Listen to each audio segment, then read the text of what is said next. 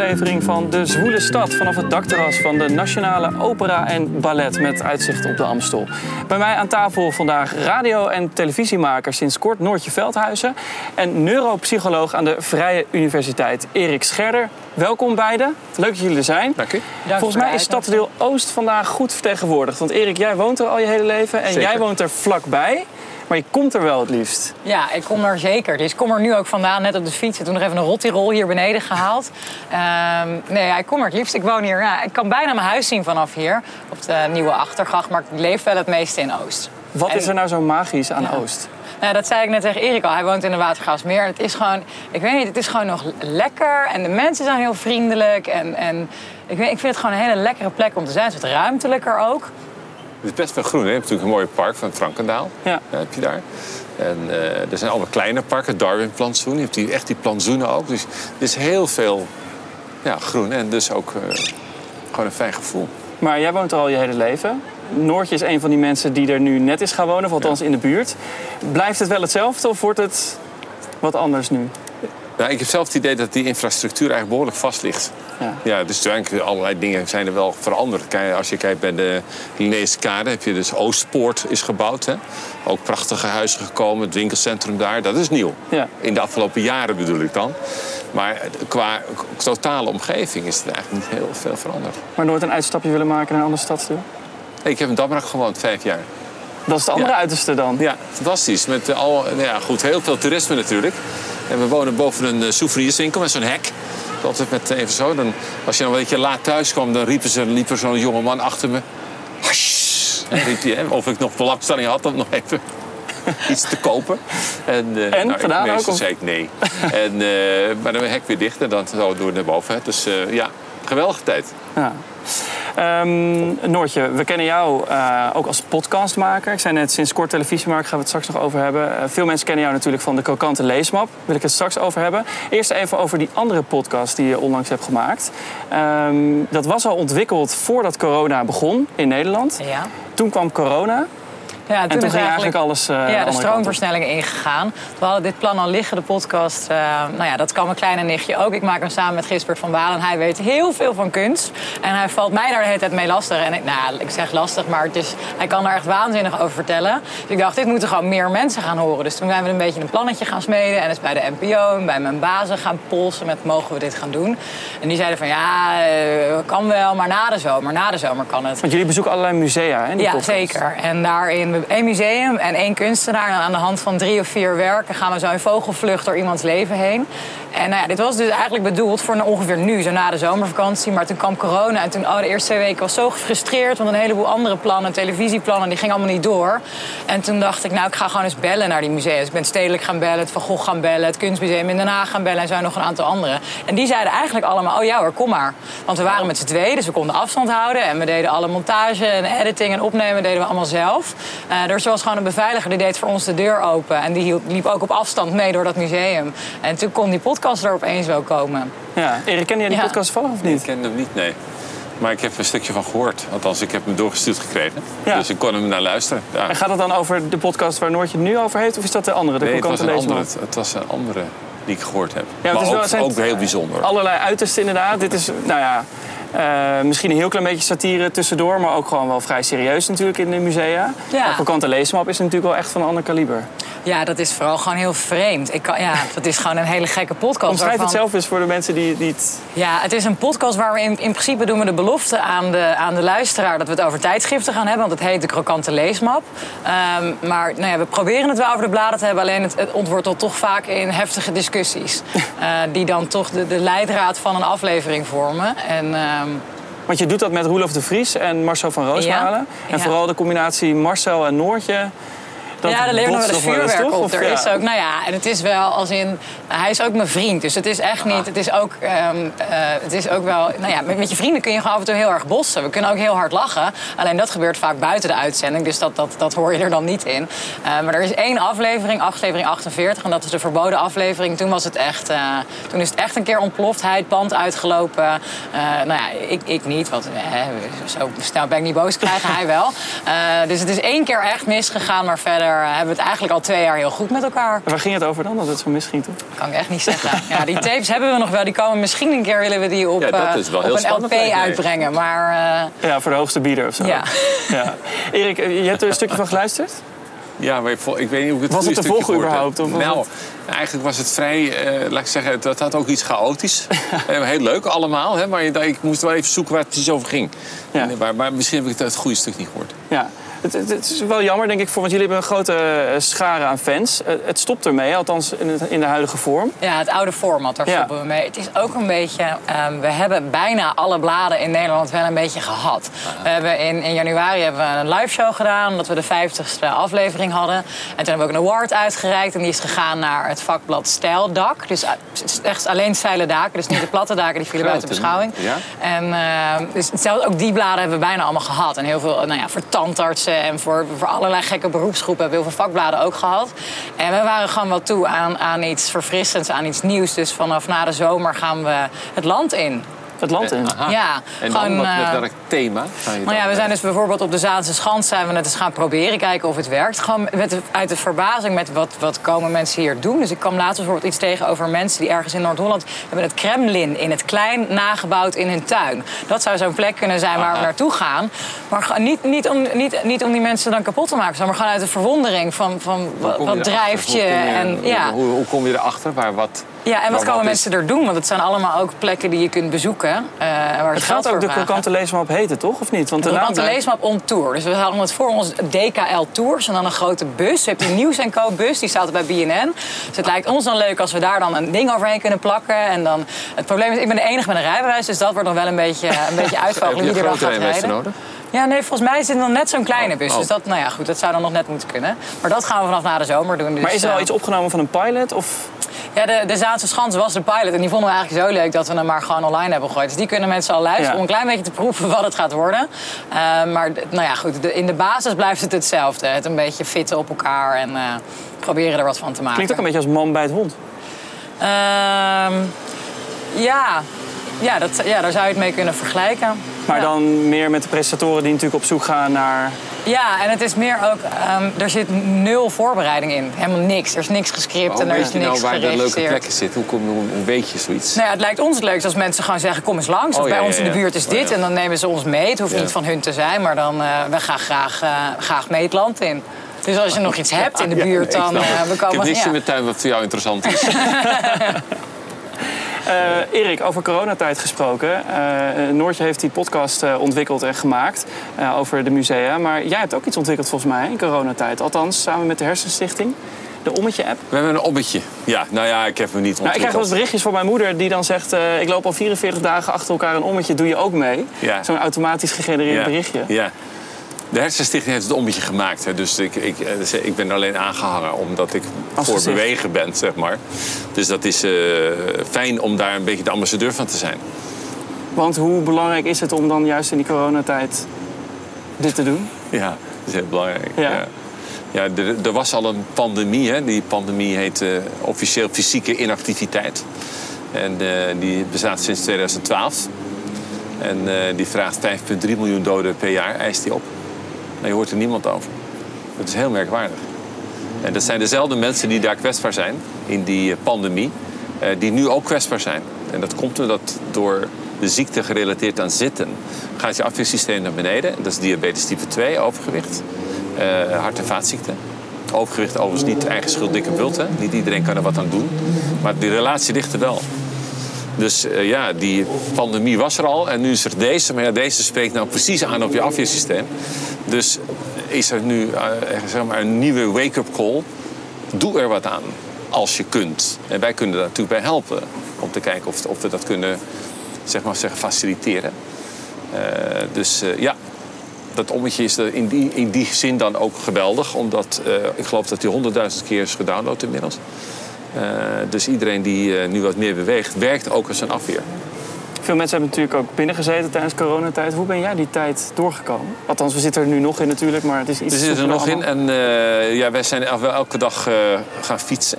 En ik heb een soort, ja, zo'n soort krachtcircuitje thuis. Dus dan doe ik een beetje planken en squatten en zo. Dus, eh, ja, ja, Maar daar heb je wel een hekel aan volgens mij. Ja, ik lach je het? Ja, Ik zag een beetje honend was dat, je, je ja. ziet dat hij denkt, dat wordt niks met die oude man. Daar heb je ongelijk in. Ik- moet Als lachen ik hier op tafel ga, dan druk ik je eruit. Hè. Dat, dat je ik even een wedstrijdje doen zo. we gaan even direct Met inachtneming van die anderhalve meter. Ja, zeker. Nee, ik moet lachen omdat ik las dat je er eigenlijk een hele grote hekel aan hebt aan die krachttraining. Nou ja, goed, het een je- moeite is. Het, het, het is. Ik zit er niet naar uit te kijken, nee. Maar als je weet dat het goed is, dan, Ja. dan, dan is het slim om het te doen. Ja. Zeker. Maar dat hebben toch heel veel mensen, hè? Ik doe, ook, ik doe twee keer per week doe ik ook krachttraining, een uur lang. En altijd ga ik met tegenzin. Ik doe het al anderhalf jaar met dezelfde trainer. Hele vriendelijke fan, maar ik altijd met tegenzin. Daarna ben ik blij dat ik het gedaan heb. Ja, maar tijdens is- ook niet leuk. Nou, op een gegeven moment dan halverwege, dan kan ik niet meer nadenken. Want dan sla ik dus, ik weet niet wat er dan in mijn brein gebeurt. Maar dan sla ik Nou, een soort van, ik kan niet meer nadenken. En zuurstof of zo, ik weet het niet. Maar dan is het, eh, nou ja, op automatische gang, maar tot het afgelopen is. Dan kan Ja. ik niet meer nadenken. Het eerste half uur zit ik de hele tijd, "Pff, moet dat? En eh, Ja. ik wil niet en mag het minder. En eh, ik wil niet hupsen. Hupsen. Ja, dat van die dat je van jump squats moet doen. Oh, ja, ja, Ik ben daar veel Oh, te lang voor op zo'n lang lijf. Helemaal naar beneden, ja. Maar dat squatten met, met gewicht en zo doe je wel een Ja, beetje. met dumbbells en Ja, zo. die dumbbells, en ja, ja, eh, ja. kettlebell swings. Dat heb ik allemaal ook Ik ben een groot voorstander. Nee, ik heb geen dumbbells, maar ik heb wel van die gewichten, die hou ik dan gewoon voor me zo. En dan kilo? doe ik daar de squ- squatten mee. Snap je? Ja, ja, Dan ja. kun je je voorstellen, weet je? Ja, ik kan het me nou wel voorstellen. Ja, nee. Het is echt serieus een goed idee gewoon. Dus het is op zich goed dat moeite kost. Overigens kan ik je zeggen over moeite doen. Ja. Lijkt het meest essentieel te zijn voor je centraal zenuwstelsel. Moeite doen. Om, en als je het dan hebt gedaan, dat je dan ook extra wordt beloond bijvoorbeeld? Is dat een beetje... Ja, dan moeite doen betekent gewoon dat je, dat je ingespannen hebt. En dat kan mentaal zijn, dat kan fysiek zijn. En dan krijg je de beste beloning voor. Ja. Je bent veel bezig natuurlijk altijd met je gezondheid. Je Ja. drinkt ook niet. Staat een glas water voor je. Oh. Om een speciale reden. Ja, daar komen we zo. Daar komen we zo. Ja, klopt. Maar eh, eh, niet altijd, toch? Of je hebt wel gedronken ook? Ja, alsof je in de goot gelegen hebt. Zo zeg je het. Je hebt Dat weet ik niet. Misschien krijgen we die ontboezeming nu hier. Maar Nee, sorry. Die ontboezeming krijg je niet, want die is je niet. Nee. Maar ik, ik dronk vroeger wel een glaasje wijn s'avonds. ja. Een half glaasje, want ik werk altijd s'avonds door. Ja. Dus als je, veel, als je iets meer drinkt, dan word je toch duf. Dus ik deed een half glaasje wijn. Maar op een gegeven moment wel echt mee gestopt. Zeker, want dan zie je toch literatuur. Doe dat de ene Ja. half glaasje en ook niet. Nog beter, nou weg. Hup. Het is ook niet zo moeilijk als je van drie glazen naar nul moet. Het is moeilijker dan van Ja, dat moet je tegen haar zeggen. Ik denk dat dat... Maar het is toch ook gezond? Dat lees je toch ook vaak? Dat, dat een glaasje wijn dat het ook best... eh, Ja, maar daar is nou toch een nieuwe... Ik wil het zeker niet voor je verpesten, Noortje. Maar dat Ja. is toch langzamerhand wel achterhaald. Oké. Ja, dus het beste idee is doe het niet. Mhm. Eh, en als je het dan toch iets doet, doe het met uitermate veel matigheid. Want, nou ja, goed. Als je het eenmaal leest, weet je, dan is het toch moeilijk om te denken... ik heb het niet genezen. vind ik ook jammer. Is dat iets waar jij denk je ooit aan gaat beginnen? Het stoppen met drinken? Of überhaupt niet? meer? Ehm, ik zou het niet zo erg vinden. Ik vind het lekker, ik geniet ervan. Maar ik vind het niet erg om, eh, om een langere tijd niet te moeten drinken. Drink je elke dag iets? Nee, Nee. nee. Maar je hebt ook bij het koor gezeten. Dat was natuurlijk wel een En ander daar dronk klimaat. ik elke dag, ja. Maar dat Nee, is ja. ook iets niet, wat niet zo snel verandert, toch? Ook dat, die cultuur. Dat dit, hangt natuurlijk zo, is zo met elkaar verbonden. Is dat iets wat... Ja, Maar ja, de, de groeps, je bedoelt een beetje het groepseffect Ja. misschien, hè? Ja. Maar goed, dan moet je inderdaad doorheen breken. Maar ehm, laat ik zeggen, al- als je kijkt naar de wetenschappelijke onderbouwing... is het slim om het uh, kalmaat te doen. ja, Ja. helder. Noortje, toen we jou vertelden dat je naast Erik eh, zou komen te zitten... werd je helemaal blij. Ja, ik, ik zei het net al. Ik probeer de hele tijd je te zeggen. Want ik vind het... eh, ik heb altijd heel, heel veel plezier gekeken als je bij DWDD aan tafel schoof. Ehm, eh, dus ik vond het een hele eer dat ik dacht... Wederzijds heb ik helemaal Ja. datzelfde gevoel ook. Je moet ook even zeggen hoe enthousiast ik was toen ik hoorde dat ik naast Noortje kwam zitten. Ja, enorm, enorm. Gelijk de podcast geluisterd. Nee, dus ik was daar wel echt enthousiast over. Toen dacht ik, oh, weet je, ik heb twee studies niet afgemaakt. En je weet dan dat ik dan dacht, oh, ik val meteen door de mand. Maar ehm, nee, Als in Ah, nee. intimiderend bijna? Of is dat... ja, is wel een beetje, zeg maar. En, en je bent natuurlijk een stuk ouder, dus veel meer, gewoon weet meer dingen. Ik denk altijd ook dat oppassen dat ik dan niet dingen eruit ga flappen die misschien niet helemaal waar zijn. Of... Ja. Kans is nul. Of ongepaste opmerkingen Ja, nee, zeker. Maar het is met name de uitzending met Matthijs van een van zijn laatste over angsten. Die vond ik zo ontwapenend. Waarin jullie allebei daar een boekje over opendeden. Ja. En dat ik dacht, ik vond het zo'n geruststelling ook. Dat ik dacht, dan weet je zoveel van het brein. Maar dan zijn er ook dingen die je bij jezelf niet kunt verklaren. Klopt. En- Ja, ik kan het wel verklaren, maar niet, niet Nou ja, oplossen, niet, ja, ik, kan ook wel dat ik, dat ik inderdaad... Ik geloof dat u heeft hoogtevrees, toch? Nee, Ja. dat we dan, je, hebt, je hebt hoogtevrees Ja. dat niet zitten. Ja, ja. Maar dat je dan weet met, oké, het is nergens voor nodig. Maar dat je daar dan niet dat ik dacht, oh fijn, jij hebt dat ook. Weet Ja, je wel? En je, en je Ja. snapt het, maar ik Ja. snap het al soms niet en ik heb het ook. Maar ik vond dat echt een geruststelling. Ja, ja, ja. Er waren veel van dat soort reacties waren er ook. Ook, naar, mijn- ook voor Matthijs overigens, want ze zagen elkaar nog een paar dagen later. En toen zei hij, hoe is het met jou gegaan? En eh, ja, we hadden precies dezelfde reacties. Ik kreeg allemaal hulpboeken van iedereen in het land. Hij ook stapels, ik ook. Want het is gebaseerd op de serie die je hebt gemaakt begin dit jaar. Erik laat zich niet kisten. Ja. Eh, waarin we jou eh, nou ja, met allerlei mensen zien praten die ook angsten hebben. En je gaat ook op zoek naar je eigen angsten. Ehm, maar er zijn wel heel veel reacties op gekomen wat je zegt. Heel veel mensen verbazen zich over, en jij ook... eh, dat iemand zoals jij ook met die angsten leeft. Die heel veel mensen natuurlijk ook hebben. En eigenlijk ook nog goed leeft. Dat is natuurlijk al nog een belangrijk punt erbij. Ja. Het hoeft niet je leven te verzieken. Ofschoon ik natuurlijk een vermijdingsgedrag heb getoond. Want ik Ja. doe het gewoon met al die dingen niet. Dat is, Is dat inmiddels wel wat veranderd sinds de serie ook? Want je hebt bijvoorbeeld die vliegcursus gevolgd voor Ik heb die vliegcursus gevolgd, maar inmiddels zit er natuurlijk alweer een hele tijd tussen. Ja. Eh, dus ik merk dat ik nu opnieuw die vliegcursus wel zou moeten volgen. wil ik er weer instappen. Eh Dus dat, dat- je moet het dan eigenlijk snel achter elkaar een exposure hebben. En dat, dat lukte niet. Dat was ook niet zo. Dus eh, het verdwijnt ook weer wel. ja, want het is dus ook heel herkenbaar voor veel mensen. Het is heel herkenbaar. En iedereen, wat ook Noortje zei, die zei... als u het nog heeft, nou dan, of als jij het hebt, dan, ja, dan stelt het toch gerust. Hè? Want dan, dan kan ik er ook gewoon over praten. Ja, nou ja, zo is het ook. En Matthijs Ja. was er dus ook heel open over. We hadden alle twee dezelfde angsten. Ja. Eh, snelwegen, doodsangst, eh, hoogtevrees eh, enzo- enzovoorts. Hoe gaat het nu trouwens met die hoogte? Nee, maar dit vind ik van heel oké. Dit gaat? Ja. Oké. Maar er zijn natuurlijk hoogtes waarbij je gewoon... eh, bijvoorbeeld die trap hier naar boven toe is al veel minder prettig. Omdat je gewoon die, die ruimtes ernaast hebt. Ja. Ja, ik las laatst een stukje en daarin stond... angst is de vader van de gedachte. Dat angst zo vaak degene is die... Weet je, dan heb je een gedachte en dan is dat degene die, die erboven hangt... met dat vingertje van eh, pas je wel op en eh, weet je het wel zeker. Vond ik wel een mooie. Ja, mooi. Ja. Want in de serie gaat het ook over eh, jouw angst voor eh, de beoordeling, de recensie. Je Ja. hebt de, de, de DWDD University College heb je gedaan. Eh, en toen is er een recensie verschenen in NRC Handelsblad. Die was niet zo leuk. En daar heb je echt van wakker gelegen ook. Zeker. En dan op- ga je in die serie ook op zoek naar die recensent. Daar heb je Ja. een gesprek ook mee. Ja. Toen moest ik gelijk eigenlijk aan jou denken. Heb jij daar dan ook moeite mee, je, zeker nu je wat meer ook op televisie bent... dat je, eh, je- iedereen vindt wat van wat je maakt en wat je doet? Ja, mensen, iedereen mag maar een mening hebben, eh, wat ook heel goed is. Ehm, en het is wel, ik zoek het op Twitter niet op. Dus ik zit, ben eigenlijk niet echt actief op Twitter. Daar post ik echt alleen iets wat ik zelf grappig vind. Maar ik ga het niet lezen nadat het op tv is geweest met... oh, wat zeggen mensen? Nee. Nee. Misschien een paar dagen later als het bekoeld is. Maar niet als ik nog heel erg in die hype zit. En wat wel het verschil denk ik is, ik kom uit de radiowereld. Dus het is heel lang alleen gegaan om wat je zei. En als, je dan kritiek, als ik dan kritiek kreeg op... oh, dat feitelijk gezien klopte het niet... of mensen waren het er niet mee eens... dan, dan kon je daar echt wat mee. Ehm, en nu gaat het ook om hoe ik eruit zie... en over mijn stem. Want ik heb natuurlijk het is beschadigd dat mensen daar dan dingen van vinden. En ik denk dat het feit dat ik eerst anderhalf, twee jaar in de radio... een beetje eh, zonder beeld heb gezeten... dat dat mijn zelfvertrouwen gewoon wat meer geboost heeft. Dus nu kan ik wel denken... oké, eh, Gerry uit Appingedam... eh, met een plaatje van een kat als profielfoto. Prima dat jij vindt dat ik klink alsof er een, een, een, weet je wel, als een raspend grindpad. Ja, kan er toch wat minder mee zitten. Maar zoals nu, ik onthoud het wel. Ja. ik kan het Ja. wel precies weer boven halen. Eh, dus het, blijft, het beklijft wel, maar ik zit er eh, toch minder mee, denk ik. ja. Inmiddels. Is denk je zo dat je misschien de negatieve reacties of recensies beter onthoudt dan positieve? Ik denk het wel. Hoe stom Ik dat ook vind. Ja. Oh ja, voor mij zeker. Ja? Ja hoor, ja. Als er, als er duizend mensen zeg maar iets aardigs hebben zijn en één compleet zuur... dan denk ik alleen nog aan die ene zure. Ja. Die overheerst alles. Maar is dat te verklaren of is dat alleen wat er dan in jouw hoofd gebeurt? Of is dat, want ik herken het namelijk ook. Ja. Eh, ik denk dat het te verklaren is. Kijk, we zijn, eh, als je kijkt naar die eh, emotionele neuronale systemen, die zijn zeer gevoelig voor negativiteit. En, en die zijn ook gevoelig voor angst, dus dat, dat is aan elkaar gekoppeld.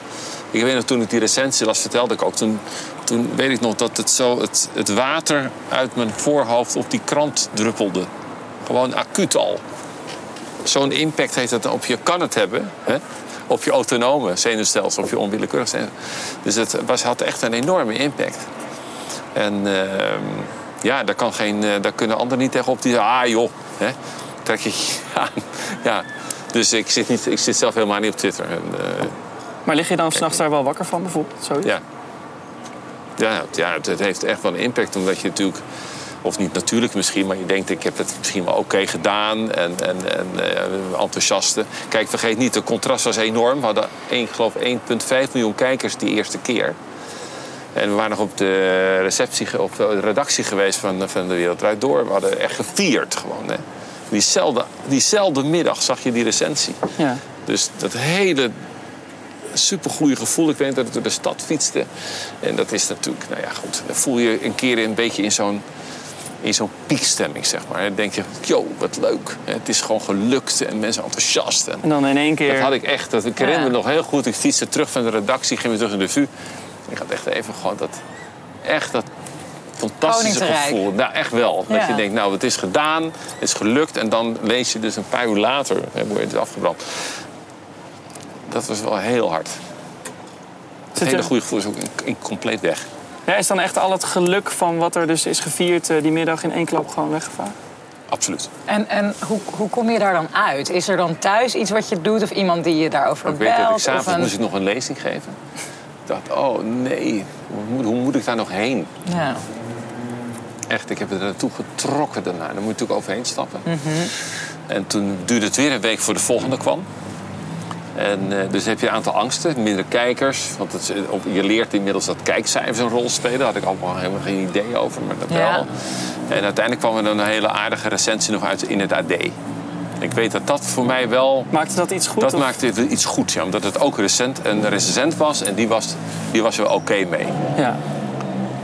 Dus Die serie is, is, is begin dit jaar eh, is die verschenen. Eh, dat was Erik een laat ander, dat, we- waar we het over hadden, jaren Ja, precies, dat is het Ja, ja. Maar de serie waar we het net over hadden. Erik laat zich niet kisten. eh, Zit er meer in het verschiet wat betrek, met betrekking tot... eh, Ja, we hebben wel weer lopende plannetjes. Vertel. Leuke plannen. Eh, Tippen van de sluier. nou, er is een grote liefde natuurlijk voor ouderen, ouderen met een dementie. En, eh, en we hebben een prachtige avond gehad in het concertgebouw. En eh, met eh, een koor met mensen met een dementie. En een koor met mensen met Parkinson. En een koor met mensen met afasie. Wat Die moeilijk spreken, Oh ja. maar wel heel mooi kunnen zingen. Dat is een wonder. Ja, het is uit te leggen overigens. Maar nou, die avond hebben we daar gehad. Dat was een geweldige avond in de grote zaal. En dat gaan we, willen we nu in beeld brengen. Maar die mensen op gaan volgen en dergelijke. Maar ja, je weet, de koren waren het meest kwetsbaar in. eh, Dus het hele plan is even doorgeschoven. Want dat was de bedoeling dat daar dan een serie van zou Ja, worden gemaakt. ja, eh, Dus dat ja. zit nog wel in de pijpleiding misschien. Dat eh. zit er misschien nog in de pijpleiding. Ja, zeker. Ja. Laten we hopen dat dat er komt. Noortje, wat zit er bij jou nog eh, aan te komen? Want jij was natuurlijk ook net begonnen met de televisiedingen... en toen kwam ook die corona in één keer om de hoek kijken. Zeker, maar ik ben deze zomer op de vrijdag en de zaterdagavond... zie je me- mijn snuit nog wel eens voorbij komen op Nederland 1. En ik kijk ook heel erg uit naar de vakantie. Eventjes twee weekjes er ook weer uit. En ehm, ja, er zijn eh, plannen ook waar ik dan, net zoals Erik niet zo heel veel over kan zeggen... maar die er, wel, eh, die er wel liggen. En we gaan dus in ieder geval met de leesmap weer het land in. Ja. Eh, met mijn kleine nichtje ook. Dat, de podcast lopen we ook weer eh, gewoon lekker de musea in te gaan vanaf september. Dus er liggen genoeg dingen. Leuk hoor. Ja. Leuk. En je zegt op vakantie, ben jij dan zo iemand die de stad ontvlucht... of blijf je lekker in Amsterdam ook? Ik blijf de eerste week lekker thuis. Want dan vind ik het dus heel lekker om zo'n hele week lekker een haringje te halen. S ochtends en een koffietje en naar de slager en de bakker en een beetje te rommelen. Want daar heb ik gewoon. Ik dacht dat. Ik heb een lijstje gemaakt na corona met dit wil ik allemaal vo- volhouden. Dat vond ik zo fijn. En dat is allemaal weer vervlogen en in, in vlugge routines vervallen. Dus dat ga ik lekker de eerste week en de tweede week naar Frankrijk. Maar met de auto. En nou ja, goed, het weet ik nog niet hoe het er dan uit gaat zien. Maar voor nu is dat het plan. Lekker. Ik hoorde eindtune, dat betekent dat we er doorheen zitten. Dank voor jullie komst. En Ja, succes met alle Ja, ambities. dank. plannen. succes hè. Ja, jij ook.